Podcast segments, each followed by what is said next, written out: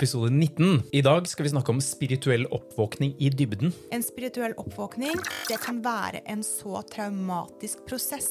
Fordi verden vil aldri noen gang bli den samme igjen. The Dark Night of the Soul det er når sjelen din rett og slett rekalibrerer. Oh, skjønner den stripper vekk alle aspektene av ego. Altså, det, Ja. øh, åh, det er heftig, altså. Du kan ha seriøse problemer med å forholde deg til samfunnet. Her er det så viktig at du har noen gode personer rundt deg, for fy flate. Jeg føler det er her du virkelig føler at det tipper for deg. Vite at det går over, og vite at det, er- det skal skje. Det er, det er meningen at det skal skje. Dette her er reisen tilbake til deg selv. Mm. Hallo, eh, kom ned på jorda.